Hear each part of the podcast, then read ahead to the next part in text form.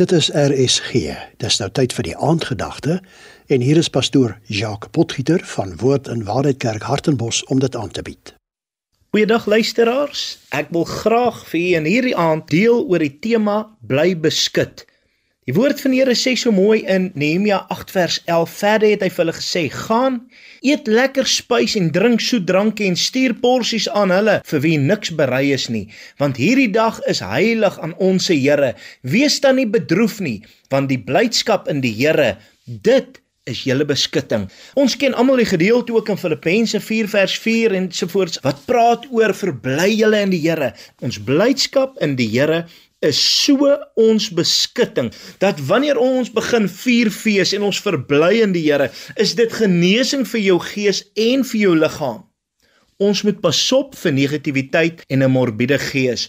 Ons leef in 'n moeilike tyd dat mense is vol vrees, mense is vol ongeloof. Ons gaan deur moeilike omstandighede, ekonomies en op baie vlakke.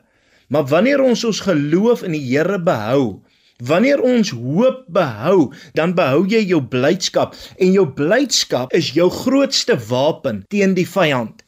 Die vyand se sterkste wapen teen jou is vrees en dis om jou blydskap te verloor. Maar wanneer ons kan positief bly en ons kan ons gemoed hou op die geloof wat ons het in God, sal dit goed gaan.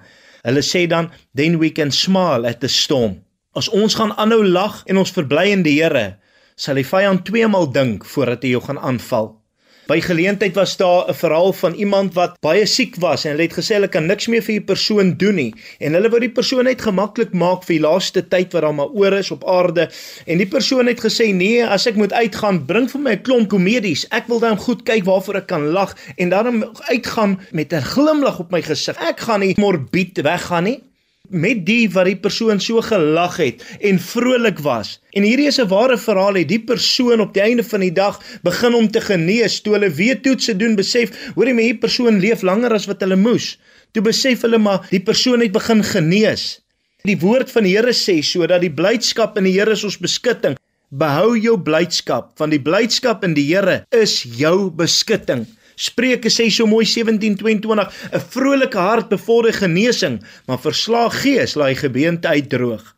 Vader, ons bid, help ons in hierdie tyd om ons blydskap in U te behou en om ons vreugde in die Here te behou en te erken. Seën ons nou elkeen in Jesus naam. Amen.